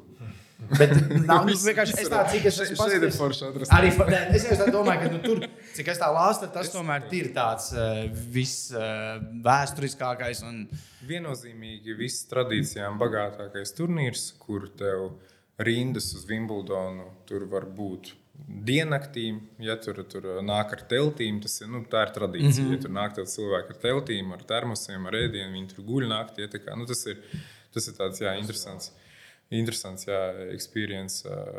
Vēsturiski, jā, bet, bet atmosfēra visur kolosāla. Mm nu, mhm. viņi, ir, viņi ir savādāk. No Austrālijā, piemēram, ir viss daudz skaļāk. Visi austrāļi tur ir lai neviens neapvainojas, ja, bet nu, tur sadzērušies sāli, ja, un tur ir tāda hokeja atmosfēra. Ja. Vimbldonā, okay. Vimbldonā viss ir ļoti zelīti. Ja, kā, nu, pilnīgi savādāka atmosfēra. Viņi nav mazāk intensīvi, ja, bet viņi ir pilnīgi savādāk. Mm ja. Ņujorkā atkal, ja viņi ir nu, Francijā, ja tur Francijā, piemēram, ir Man liekas, publika ir visprofesionālākā publika, ir franču publika, kura var izčakarēt pretinieku. Ja, ja, ja franc, francūzi spēlē pret pretinieku, viņi, viņi ļoti labi saprot tenisu. Viņi ļoti okay. labi saprot, uz kādām notīm spēlēt. Un galvenais, ka tas nav viens cilvēks, tā ir visa publika. Viņi ir ļoti, nu, tikai interesanti tāds nu, nianses, mm -hmm. bet vis, visur ir, visur okay. savs. Savu, Labi, ja, ja mēs vēl negribējām iet pie tā mentālā, tad arī man vēl viens pēdējais jautājums. Uh, nu, Īstenis, uh, labi, es arī negribu, kāds apvainojas, bet nu, man liekas, tenis ir bijis tāds nu, aristokrātisks sporta veids ar baigo etiķeti. Konservatīvs arī kaut kā. Nu, un uh, mans jautājums ir. Uh, Tev, kā tu sevi esi nu, piedzīvojis, izjūtis kā spēlētājs, darbojoties tādā vispār zināmajā džentlmeņa sporta veidā, jo tu pats arī karjeras laikā kālautojas tur vadošos spēlētājus, ka viņi savā viedoklī visi ir vienādi, garlaicīgi. Un roboti. Nu, tā ir uztrenēta. Jā, jo tu vienmēr esi, tu, tu nekad neesi kautrējies ar savu viedokli, tu esi bijis ļoti kolorīta personība tādā ziņā. Nē, es, es kaut kā to tā, tā, tā nepamanīju, ka tas ir kaut kas baigs. Tur uh, ir kaut kāda noteikuma, ir kaut kāda etiķeta, ja, bet tas beigas baig mainās jau tagad. Nu, apstāmies, piemēram, tagad uh, spilgts piemērs ir uh, Niks Kirgijos. Ja, viņš mm -hmm. vispār nav pilnīgi tāds. Uh, Rokstārs. Jā. Jā. Nu, jā, jā, un tas ir tas, kas cilvēkiem uh, Droši vien, ka patīk, ja varbūt ne viss, ja, bet nu, daļēji tur, tur to vajag cienīt, ka viņš kaut kādu šovu uh, tur, tur taisa. Un, un, un tenisam jau arī ir būtisks tas, ja, ka, ja, ja apstāsta kaut kādas statistikas, ja tas vidējais uh, tenisa līdzjūtēji vecums, ja viņš ir nu, diezgan augsts. Un kā tu vari jaunos, uh, jaunus skatītājus pievilināt, ja, kā, jo ir grūti uh, nu, ar mūsu šo te. Um, attention span, ja, kā uzmanības, tā kā mūsu, cik daudz varam uzmanību veltīt ja, ar visiem TikTokiem, Instagramiem. Mums jau mūsu smadzenes jau ir pieradušas visu laiku dabūt kaut kādus stimulus ātrus, kā var nosēdināt 12 gadīgu puiku vai meiteni, viņš skatās 5 stundas no vietas tenisa mača. Ja, kā, nu, tas ir, un, un, un tev ir jāsaprot, ja kā, un tāpēc arī, piemēram, ir daudz runā par to, kā var kaut kā to saīsināt, kā kaut kā padarīt to. Ir, ir, ir piemēram, tāds Patriks Morataglu, viņš ir Serēns Viljams, bijušais treneris. Viņš tur arī palīdz Cicipasam, viņam ir sava akadēmija Francijā. Un tāds zināms, tā kā viņš tur Eiros par tā komentē. Viņš uztaisījis tādu savu tā kā, tenisa līgu, kur viņi vispār tur spēlē tur līdz kaut kādiem četriem gēmiem, tur kaut kādā pie vienā tur izšķirošā, nu, eksperimentē, īsāk sakot. Jo, Man tas nepārāk patīk, ja, bet es saprotu, ka, nu, ja tu gribi pievilināt kaut kādu, tad tev kaut kā tas līdzsvars, un arī ar visu to etiķeti, ar visiem tiem noteikumiem, nu, mēģina atrast kaut kādu līdzsvaru. Un negribu pazaudēt to Wimbledonas atmosfēru, kur viss ir baltā un viss ir tā, ja? es to negribētu pazaudēt. Ja? Bet arī nu, tāpat laikā jāsaprot, kā tu pievilinās. Jo tev jau ne tikai ir jāsacenšas ar citiem sporta veidiem, tev jāsacenšas ar visu. Mm. Ar Instagram, TikTokiem, Netflixiem, ja Playstation ja, un tā tālāk. Jā, Netflixā starp citu pat tenis. Tas pats kā tieši bija par Kirgiju. Pirmā sērija par Kirgiju. Man, man, man nepatīk vispār, bija ļoti garlaicīgi priekš manis.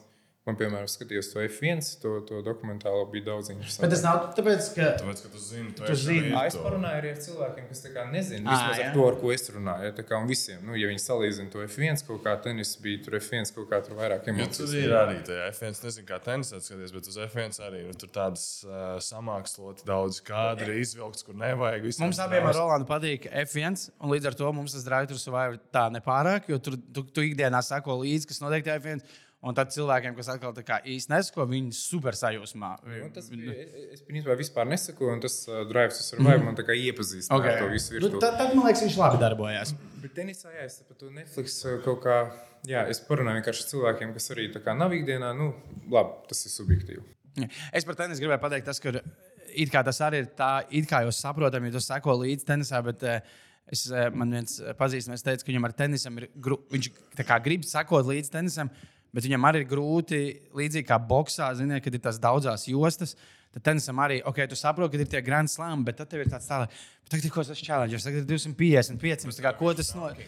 Nu, jā, rankings ir viens. Tādā ziņā tas ir daudz vieglāk kā boxā taisnībā. Īsumā tur jau tā sistēma ir diezgan viegla. Nu, nu tur viss vienkārši ir. Tad dabūjām spēcīgākie ATP mūs, tad challengers. Nu, jā, tur, uh, future, future, sistēma ir vienkārši. Vienkārši, jā. Tur, jā, tas, bet tādam, kas tā kā no malas nāk, tas tur, jā. Viņi, viņi vienkārši to agrāk jau bija savādāk. Agrāk bija tur, viņi saucās tur uh, Masters, un tur kaut kāda gold vai, vai silver kaut kas tāds. Tad viņi vienkārši uzlikuši 1000, 500, nu, 250 un Grand Slams 2000 punktu. Viss. Mm -hmm. Labi, ejam par to psiholoģiju, mentālo noturību. Jo, nu, pirmā lieta, ja domājot, kas ir atšķirības starp basītu un tenisu, ir tas, ka nu, viens komandas sporta veids, un otrs ir, nu, ka tu esi pilnīgi viens. Tā kā tu teici, ka ļoti vientušs sporta veids. Cik tādā sporta veidā ir svarīga mentālā noturība? Svarīga.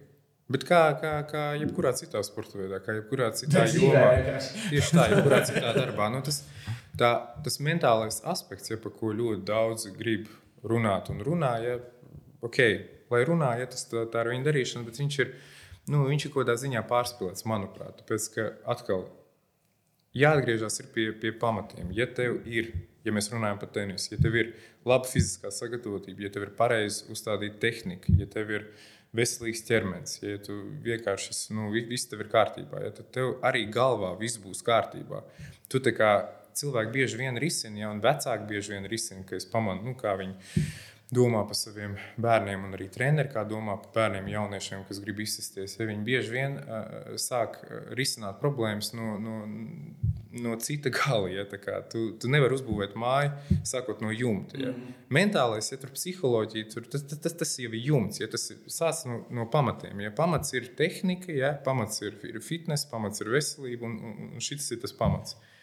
Un, un, un tiek nenormāli pārspīlēts ar to mentālo. Jo atkal, kā es eh, arī nu, to piemēru, ok, tas ir pašā augstākajā punktā, ja, bet tu nevari īsti sagatavoties kaut kādiem, eh, kaut kādiem momentiem, ja tu tur neesi bijis. Nu, tu nevari, kā, kā, nu, tu sēdēsi, meditēsi un domās, kā būs. Ja tagad vizualizēs to, ot, eh, tā kā es spēlēšu Grand Slam finālā, ja pie tāda un tāda rezultāta, vai man nodarbēs roka vai nenodarbēs roka. Nodarbēs. Nodarbēs roku vienmēr un visiem. Ja tikai ja tev tā bāze ir pietiekami labi, ja, tad tev tas uh, margin of error, ja, kā, tad tev viņš būs uh, nu, daudz, daudz mazāks. Ja, tu, ja tev ir pareizi uzstādīts sitieni, ja tev, okay, tev nodarbēs roka, bet tu tik un tā to būmu dabūs laukumā. Mm -hmm. nu, no cita gala nedaudz skatīties. Tāpēc priekš manis tas viss nedaudz, nedaudz pārspīlēts. Kāpēc es vispār šo jautāju? Tāpēc, kad, nu, protams, manā mājās arī Netflix, arī skatās Netflix un tenis filmas, patīk tenis filmas. Un, jā, kā tu teici, sabiedrībā ar vien vairāk tiek izcelts tas mentālā noturība un mentālās veselības problēmas. Tad es šajā brīdī gribēju parunāt par filmu Breaking Point ar Mārtiju, ar Mārdiju Fišu. Mm -hmm. Tā paša Mārdija, ko vinēja 11. gada Losandželosas finālā. Viņš kā saka, jā, ka no bērnības viņam visu laiku prasīts rezultāts.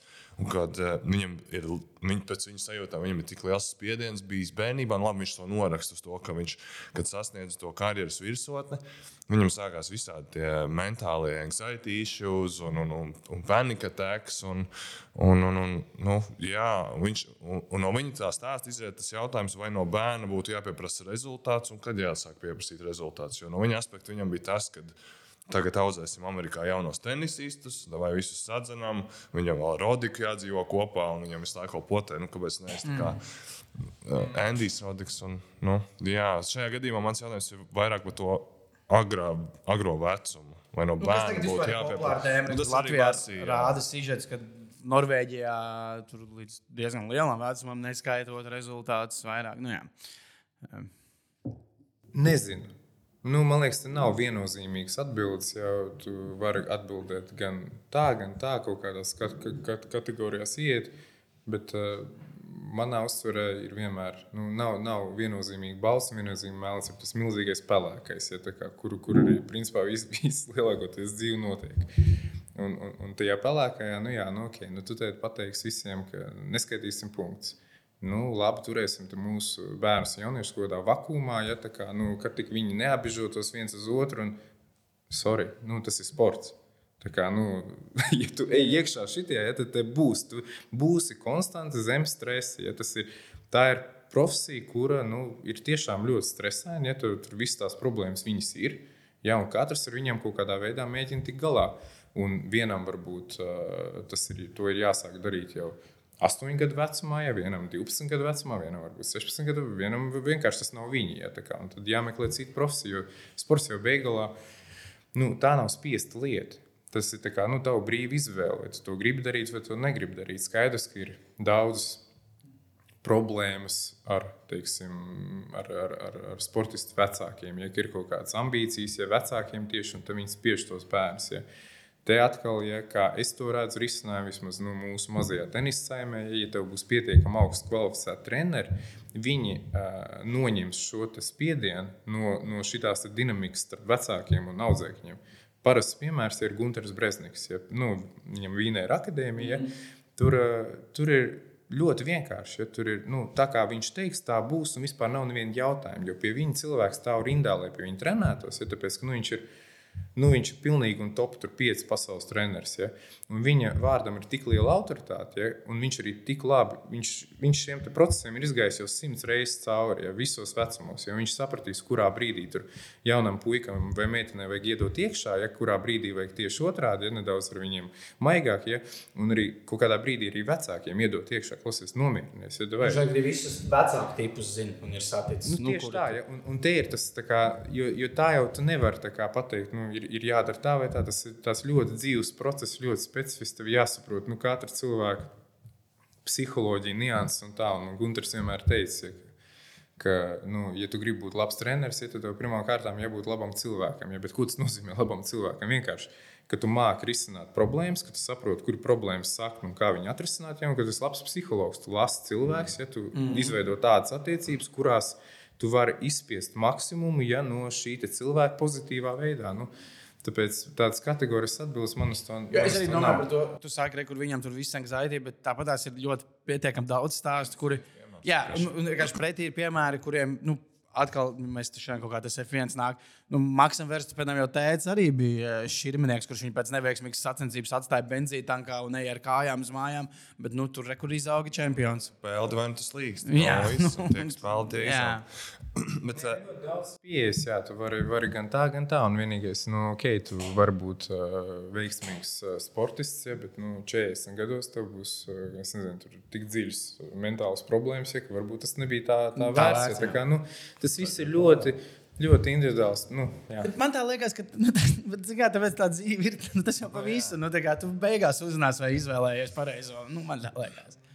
Bet uh, kā ar pašu tevi, varbūt no tavas prizmas, kā savaldīt sevi mača laikā un uztaisīt mača laikā to restartu? Jo uh, varbūt tās piemērs netik patīkams tev, bet arī skatījos, kon, ne, nepateikšu konkrēti, bet bija spēle mačs tu pret Rafaelu Nadālu uz māla seguma, pirmo setu 6-1. Tu vinnēji. Un otrais sets, burtiski, nezinu, 10-15 minūšu pauze, un iznāk pilnīgi liekas cits cilvēks. Nadāls vinnē un pilnīgi citādāk. Jo tur tas tik īsts laiks, nu, basīt, ok, tev neiet spēlēt, tev norai malā. Izlaiž vēlreiz, spēlē sūdīgi, paņem malā, nu spēlēs nākamreiz. Tenisā atkal, nu, viens sets, tad tev tūlīt ir otrs sets, trešais. Te arī mēs atgriežamies pie tā, kāpēc man, man opīts teica, ka tas ir necilvēcisks sporta veids, tāpēc, ka tā punktu skaitīšanas sistēma ja ir nu, tāda, tāda savā, te ir vairāk seti. Tu mm. ir pirmo setu vinēt 6-0, ja atdot pretiniekam 5 punktus, ja pats vinēt tur 30, ja, un, un, un, un, un viss, viss ir ok. Un tas sākās viss principā no jauna. Ja tā kā notiek kaut kāds restorāns, un, un tu jau Tu jau, ja tu spēlē pret tādu kā Nadals, ja, kurš jau ir pierādījis sev 20 gadu garumā, ka viņš vienkārši viņš tādās situācijās jūtas ļoti komfortabli, tu gribot, negribot, tik un tā saproti to, ka tas mačs nebūs tik vienkāršs. Ja tu tik un tā saproti to, ja, ka, ja tu nenospiedīsi, pieņemsim, otrā seta sākumā, kaut kāds pirmos games, saproti to, ka viņš ieķersies un būs atkal cīņa. Ja, nu, un visas tās domas, ja viņas ir nu, miljonus tur tajā, tajā sekundēs, un skaidrs, ka tev kādā brīdī tur kaut kāda roka nodarbēs, un tas pēkšņi viņš ir breika priekšā, ja, un visu maču aiziet pilnīgi citā virzienā. Tāpēc, nu, pieņemsim, futbolā, ja, nu, ja tu pirmajā puslaikā iesprūdi 5 gols, ja, tad, nu, tad otrajā puslaikā rezultāts turpinās. Ne, tur jau var arī tas jā, rezultāts turpinās, un līdz ar to, jā, tu pie 3-0 tenisā tu nevari pielāgoties. O tagad es esmu vadībā. Zini, futbolā nopirkošu autobusu aizsardzībā. Nu, tenisā jā, jā, jā, jā, jā, tev ir tik un tā jāspiež, ja tev ir jāturpina. Un kā tikko tu pamaini savu spēles uh, stilu, un tā otrs spēlētājs to redz, ja tā ir nemitīga mm -hmm. problēma risināšana dzīvajā laikā. Ja, tāpēc nu, viņš ir tāds specifisks. Klau. Vārds atvainojas, kas manā skatījumā ir. Bet uh, Nadāls nav tāds uh, baigais robots, cik viņš skatās pa televizoru. Viņš vienmēr sēž vienā pozīcijā. Pudeles viņam vienādi stāv. Viņš padzerās, vienu padzerās, otru banānu noliek. Nu, tā liekas, ka. Autistiski. jā, ļoti iekšā. Nu, tas tāds.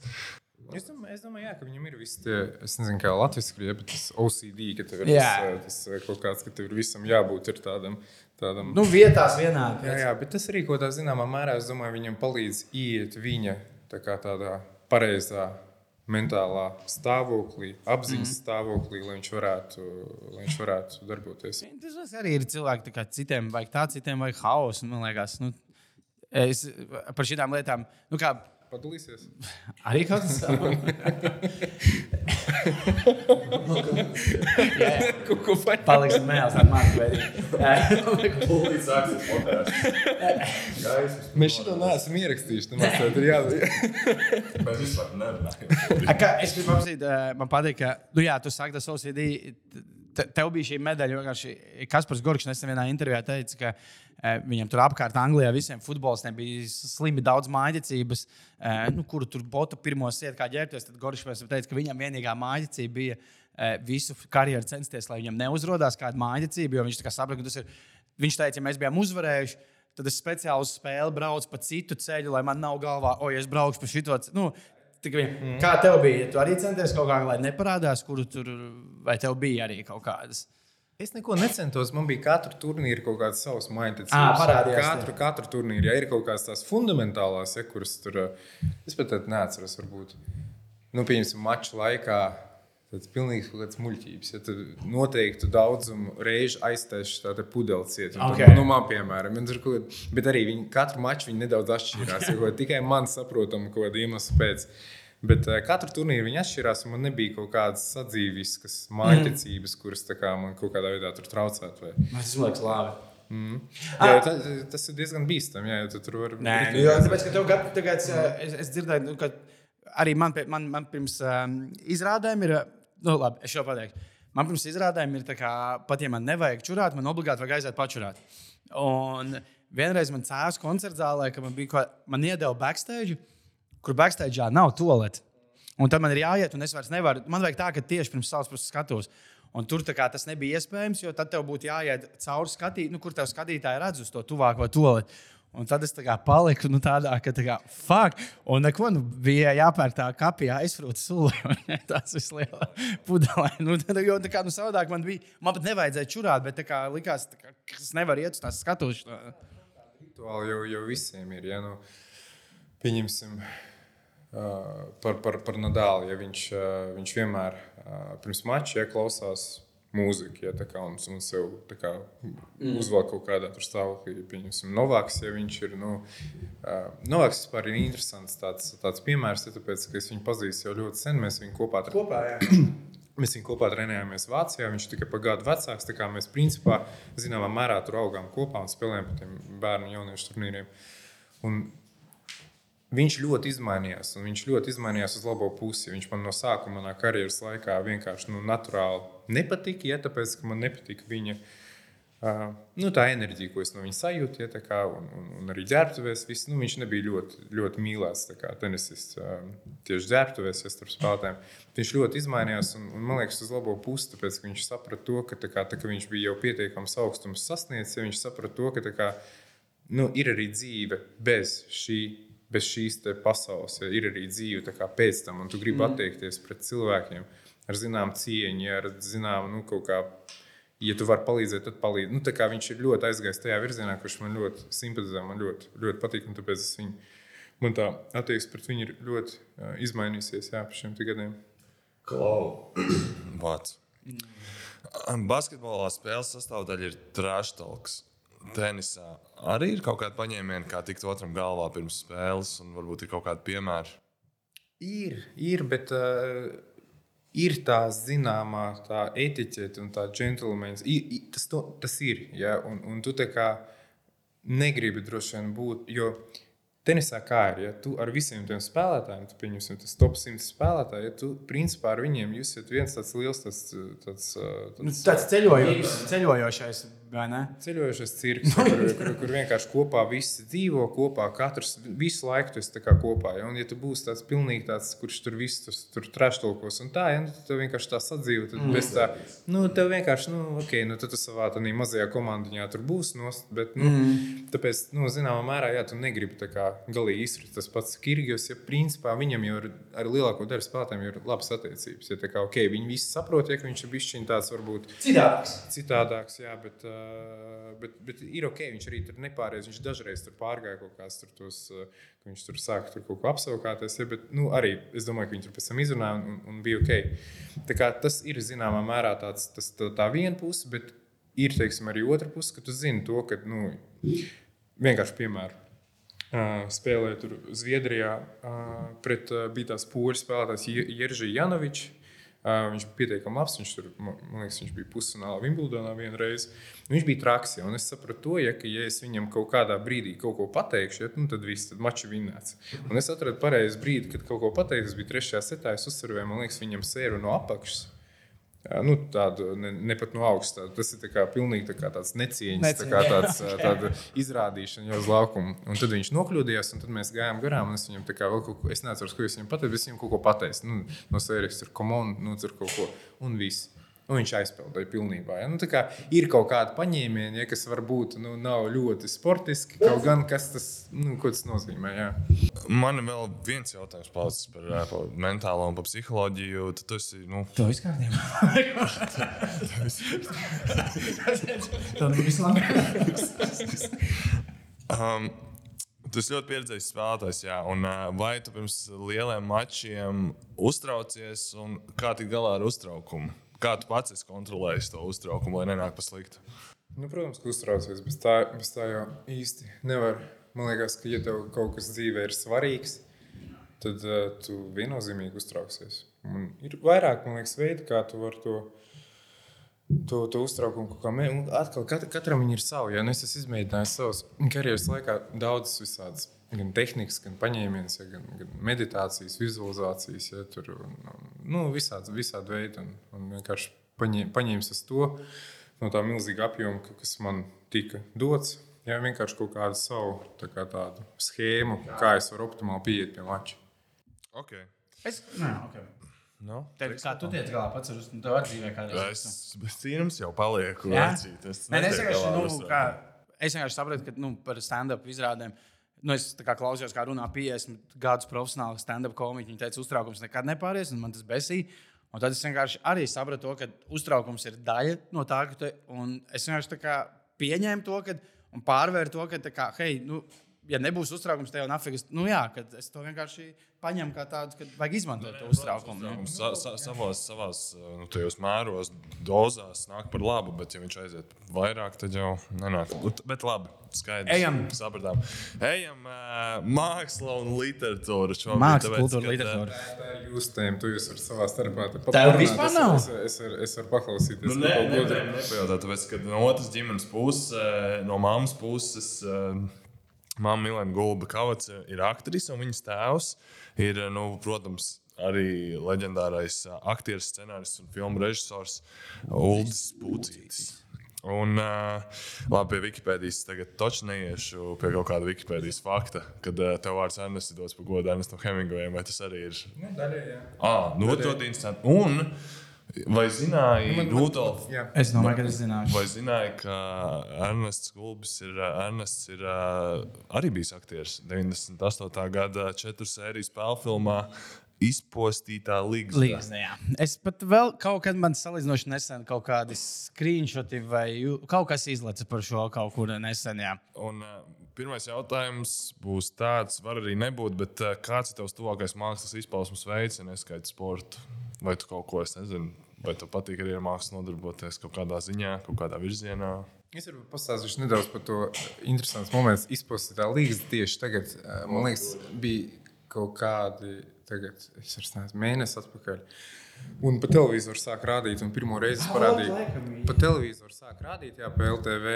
Uh, Kad tik nav uz lieldienām, man liekas, lieldienās. Lieldienās rādīja, un tieši mēs bijām mājās ar, ar, ar bērniem, ar savu man meitai, 5 gadu dēlam, 3,5. Un tad pirmo reizi kā viņi redzēja mani ne uz tenis korta, un mēs rādījām, kā es kā mazais Ernests, man vēl mana mamma spēlēja manu mammu tajā, mm -hmm. tajā, tajā uh, seriālā, ekranizējumā. Laikam tas, nāk, Jā, tas ir daudz sēriju filmu, spēļu filmu. jā. Jā, nu, tā kā mēs to nostājāmies, jā, bija interesanti. Man tās atmiņas arī tur. Atmiņas ir ļoti pozitīvas, palikušas no tā. Vien, vienīgais, ko man, ko man uh, vecāks apsolīja un neizdarīja, tas liekas, bija vienīgais, ko viņš man apsolīja un neizdarīja. dzīvē. Pucītis, vai Jā, jā, jā. Bet tas bija tā tāds solījums varbūt manai mammai, ka viņi uh, par filmēšanos man piesolīja 75 latus. No tiem 75 latiem es ne, neredzēju neko. Bet, nē, bet, uh, tas, tas joki, ja, bet vecāks man vienmēr. Viņš, viņš vienmēr, kad nāca pie mums ciemos, viņš vienmēr tur uzprasīja, ko man atvest, kādas dāvanas. Kā vienmēr bija ļoti uzmanīgs. Un, un, nu, jā, es zinu, ka viņš man ļoti mīlēja, un, un, un jā, tās attiecības mums nebija varbūt ļoti tūs, tāpēc ka nu, viņi izšķīrās ar manu vecmāmu. Jo, nu, aizgāja, aizgāja tādi ā, ceļi, ceļi šķirti, bet nu, jebkurā gadījumā tās attiecības pat no attāluma bija tūs, ja to tā var tā pateikt. Nu, un kā tev pašam ir vispār literatūra, māksla? Ko tev patīk lasīt, vai tev ir kāda mīļākā literatūra, vai ir kāds darbs, kas tev ir iedvesmojis sportā, vai lasāmais gabals, vai kaut kāda mākslas darbs? Vai... Ziniet, kā ir tā, ka, ka piemēram, tā, ka ir kaut kāda nozīmīga turnīra. Ja, ja mēs paņemam, pieņemsim Grand Slams, tad Grand Slam laikā principā lasīt ir praktiski neiespējami. Tāpēc, ka, nu, Oh, okay. nu, tev vienkārši tas ir Grand Slams, tas ir kaut kas ļoti īpašs. Ja, un tev, pieņemsim, ja tie mazākie turnīri ir tādi, nu, nu zināmā mērā, tu viņus var uztvert arī kā kaut kāds treniņu turnīrs un tā. Mm. Sagatavošanās Grand Slams ir kaut kas cits. Un, ja tu tur, pieņemsim, esi divas nedēļas, tad tu esi Ja mēs runājam par uztraukumu, tad uztraukums ir no pirmās dienas līdz pēdējai, un viņš nemazinās it nemaz. Ja tu pēc uzvarēta mača, tev varbūt nedaudz atlaiž jau kaut pusstundu vai stundu, ja, bet es saprotu to, ka tev pēc dienas jāspēlē nākamais mačs, ja, un tev tik un tā ir tas, tas spiediens un lasīt. Zem tādas spiediena man vismaz bija ļoti grūti. Tieši otrādi, vienīgais, ko es varēju darīt, kā ir aiziet kaut kādās vakariņās, apstīties kaut kādu ļoti vieglu filmu vai seriālu, bet noteikti neiedziļināties kaut kādā tādā tādā, tādā nopietnākā literatūrā. Bet uh, ar, ar, ar sportu ir tā, ka tev ir samērā daudz brīvā laika. Nu, tā, kad tu esi īpaši tenisā, ka tu esi viens pats ar sevi. Viens pats ar sevi tieši viesnīcas numuros, ja vakaros, ja tā kā, un tev ir vienkārši daudz, daudz brīvā laika. Un, uh, un skaidrs, jā, ka nu, man, man gan tēvs, gan, gan mamma ļoti, ļoti mīl lasīt. Un, uh, jā, par, Hemingveju. Nu, tas varbūt ne, ne konkrēti dēļ viņa, bet Hemingvejs bija viens no rakstniekiem, kurš viņam bija ļoti tūs un mīļš. Ja, kaut kā tā sakrit. Mēs arī, man dēls sauc Čārls, un viens no iedvesmas avotiem mums ir no Čārls Pukovskis. Mm, okay. No rakstnieka. Tā kā nu, man sievai viņš nenormāli patīk, ja, un tad viņi man iedeva viņa grāmatas, ja, tā kā man viņš arī patīk. Viņa teica, nosaucam par Čārls. Ne pa godu viņam, ja, bet nu, kaut kā Nu, jā, tas, iedvesma var, un tā. tas ir normāli. Tā kā viens no rakstniekiem, kurš uz mani ir atstājis vienu no vislielākajiem iespējām, ir Peļēvins. Krievijas rakstnieks īstenībā neviens nezina, kā viņš izskatās. Tur ir kaut kāds bildes internetā, un kur viņš dzīvo. un Tā. Bet Viņš ir šobrīd dzīvojošs aktieris, Fui, rakstnieks. Uh, jā, Ah. jā, jā, viņš vēl joprojām raksta. Jā, nu, to, ko es biju sācis teikt, ja, ka, ja tu pieņemsim, uztver lietas kaut kā savā, teiksim, šī te prizmā, ja, rāmī, jā, tad viņš tev vienkārši iedod kaut kādas iespējas padomāt par lietām pilnīgi savādāk, un tev sanāk, ir kaut kāda papildus kā, atzara, kur tu vari novirzīt kā, un, un par kaut kādām lietām domāt. Nu, kā man tas diezgan, diezgan svarīgs rakstnieks. Viņš arī rakstījis ir par tām lietām, kas man ir vienmēr interesējušas. Man ir interesējuši vienmēr tā nes, nesenā vēsture. Man nepārāk interesē vēsture, kas ir 100, 200 gadu atpakaļ. Nu, nevis neinteresē, bet vienkārši nu, man, man vairāk interesē teiksim, vēsture, kas ir 30, 20 Nu, tā ir vairāk ietekmēs vienkārši Jā, tavu jā, dzīvi. tas, tas uh, pēc padomju savienības viss vis tas laiks, jo viņš tajā kontekstā arī tur raksta daudz ko. tā. Tad vēl viens rakstnieks, kurš man arī ir ļoti man ietekmējis, un ko principā es pat daļēji varēju lasīt uh, turnīros, uh, Karls Kastaneda. Mm Mhm. -hmm. Un viss viņa grāmatas tur ir, teiksim, bet tas ir pilnīgi kaut kas cits. Ja, tas ir par tādu, nu, es nezinu, vai es esmu dzirdējuši par, par, par Kastanedu, bet viņš raksta tā kā, kā savus sarunas ar savu. Tā kā skolotāja, guru. Un, un, un tas viss ir caur tādiem psihodēliskiem piedzīvojumiem. Oh, Meksikā, kur viņi lieto pejotus un, un, un tādā veidā kaut kādas Ok. tur, tur, uh, un, un tās atziņas vienkārši ir tādas, nu, jā, manuprāt, ļoti fundamentāls un, un, un dziļas. Un, uh, tad ik pa laikam, jā, kaut ko tur vieglāk varbūt palas. Tad man uh, bija kaut kāds periods, kad man tur bija iedošs kaut kāds filozofiskos uh, tekstus lasīt. Tur man, man tēvs. Um, Viņš tajā ļoti iedziļinājās, un viņš man ik pa laikam visās tur sūtīja. Tur gan grāmatas dāvana, gan un tā. Un es, piemēram, ko es noteikti ieteiktu jauniešiem palasīt, ja tas ir nebaidīties no tiem filozofiskiem tekstiem, no tā paša Platona. Ja, ja es pieņemsim, rak, lasu aprakstu par viņu, ja, tad man liekas, nu, ka tur ir tāds kosmos, ja, ka es tur vispār neko nesapratīšu, ja, tur vienkārši būs pilnīgs. Un tad es paņēmu to tekstu, tos dialogus, vienkārši pats lasīju, un es gūstu patiešām lielu baudu Jā, jā. vienkārši tos lasot. Jo, Nu, nevēl viņi ir tik ilgi saglabājušies aktuāli. Jā, Nu, viņi, viņi skaidrs, ka tu vari analizēt tur visu daudz uh, dziļāk un, un, un, un, un tā, ja, bet vienkārši tīri izlasīt, lai tur ir kaut kas priekšstats par to. Es to ļoti iesaku, jo tur patiešām ir apspriests tāds nu, fundamentāli, man liekas, svarīgs lietas. Nu, kaut kā, kaut kā tā. jā. Vai mēs varam gaidīt no tevis arī kādu grāmatu? Pats uzrakstīs, varbūt Domāju, kādā. Jūs man jau tā, ka nav pierunāts podkāsts. Tev ir tas komandas jautājums. Nē, Es biju pirms komandas jautājuma. Es vienīgo reizi, kad vairāk domāju par tavu vecstāvu. es skatījos, eh, nu, man ļoti patīk filma Četri balti krāklī, jeb šo, kā viņa elpoja dziļi laikam. Ja? Un Latvijā ir viens aktieris, ja jūs kādreiz ģimenē izlemjat par vecstāvu taisīt filmu par vecstāvu dzīvi. Rekord, aktieris Raimons Celms. Viņam ir jāspēlē jūsu vecāks jaunībā. Viņš izskatās, man liekas, kā Ulus Pucīts filmā Četri balti krākli. Jā, es tā kā, ja tā pielieku, viņam tur tas viss frizūras skatiens, viņam augums ir līdzīgs. Tā kā, nu, tā kā Ulus Es Pucīts pats filmā. nospēlēšu savu vecstāvu filmu. Pats spēlēs, jā, ok, labi. Tad Raimons, sorry, tā nebūs. Es tev gribēju darbiņu dabūt. Es zinu, kā iet aktieriem, bet nu vislabāk. Nu, man ir vēl pēdējais, jā, par tā literatūru mākslas jautājums. Savā laikā, kad Džokovičs izlaiž to sevi, tu vien baigi uzsprāgtā grāmatu. Jā. Ļoti uzsprāga, jo viss sāk. Nu, man pirmkārt, kad izlaiž Džokovičs to grāmatu, man bija jau tādas asociācijas. Tenis, Džokovičs, ā, bezglutēna diēta. vai, vai tev pašam, vai tu pats arī esi mēģinājis bezglutēna diētu? Un kādas ir tavs bijušas, kādreiz laikā, vai tev bijušas diētas, es pievērstu tam uzmanību vai nē? Vienā intervijā tu smejoties arī teici, jokojoties, ka tev ir glutēna full diēta. Es esmu izmēģinājis visu. Ja, gan bezglutēna, gan uh, tikai, tikai proteīnu. Un, un, un, ir, ir ļoti daudz izsaka.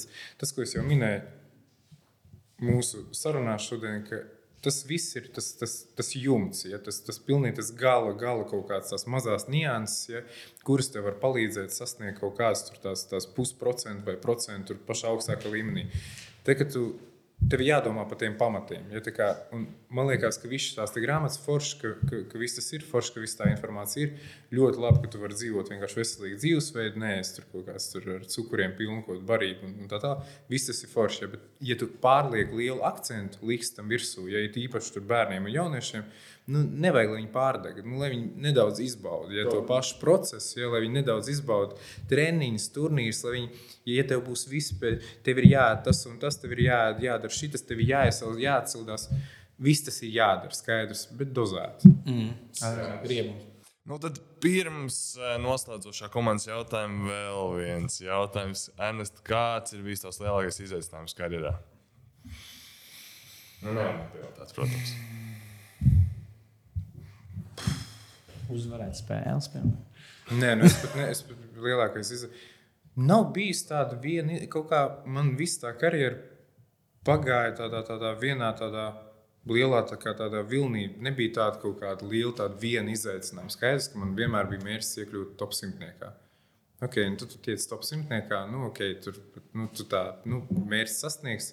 Tu jau, tā, kad tu sasniedz to mērķi, tad bieži vien ir tāda, nu, var teikt, kaut kāda tukšuma sajūta, un pēc tam to mērķi sasniedz, nu, kas ir mainījies. Kā, nu, Vai ir kaut kas mainījies? Nu, nepārāk, tā kā nu, ejam tālāk, ja tā kā nu, 50, 20. Man liekas, ka tie mērķi, ja tu viņus apzīmē ar kaut kādu vietu, rangā vai kaut kādu uh, noteiktu uh, naudas daudzumu kontā, vai tur kaut kādu sekotāju skaitu, vai vēl kaut ko, ja, nu, tad tie mērķi viņi tev, nu, viņi tev nepiepildīs. Ja? Man mm. liekas, ka tu vienkārši tu dari to, kas tev patīkam, tu tici, ja, kā, un, un, un pilnveidojies kā cilvēks. Tas ir tas galvenais izaicinājums, kā vienkārši nu, būt maksimāli laimīgam.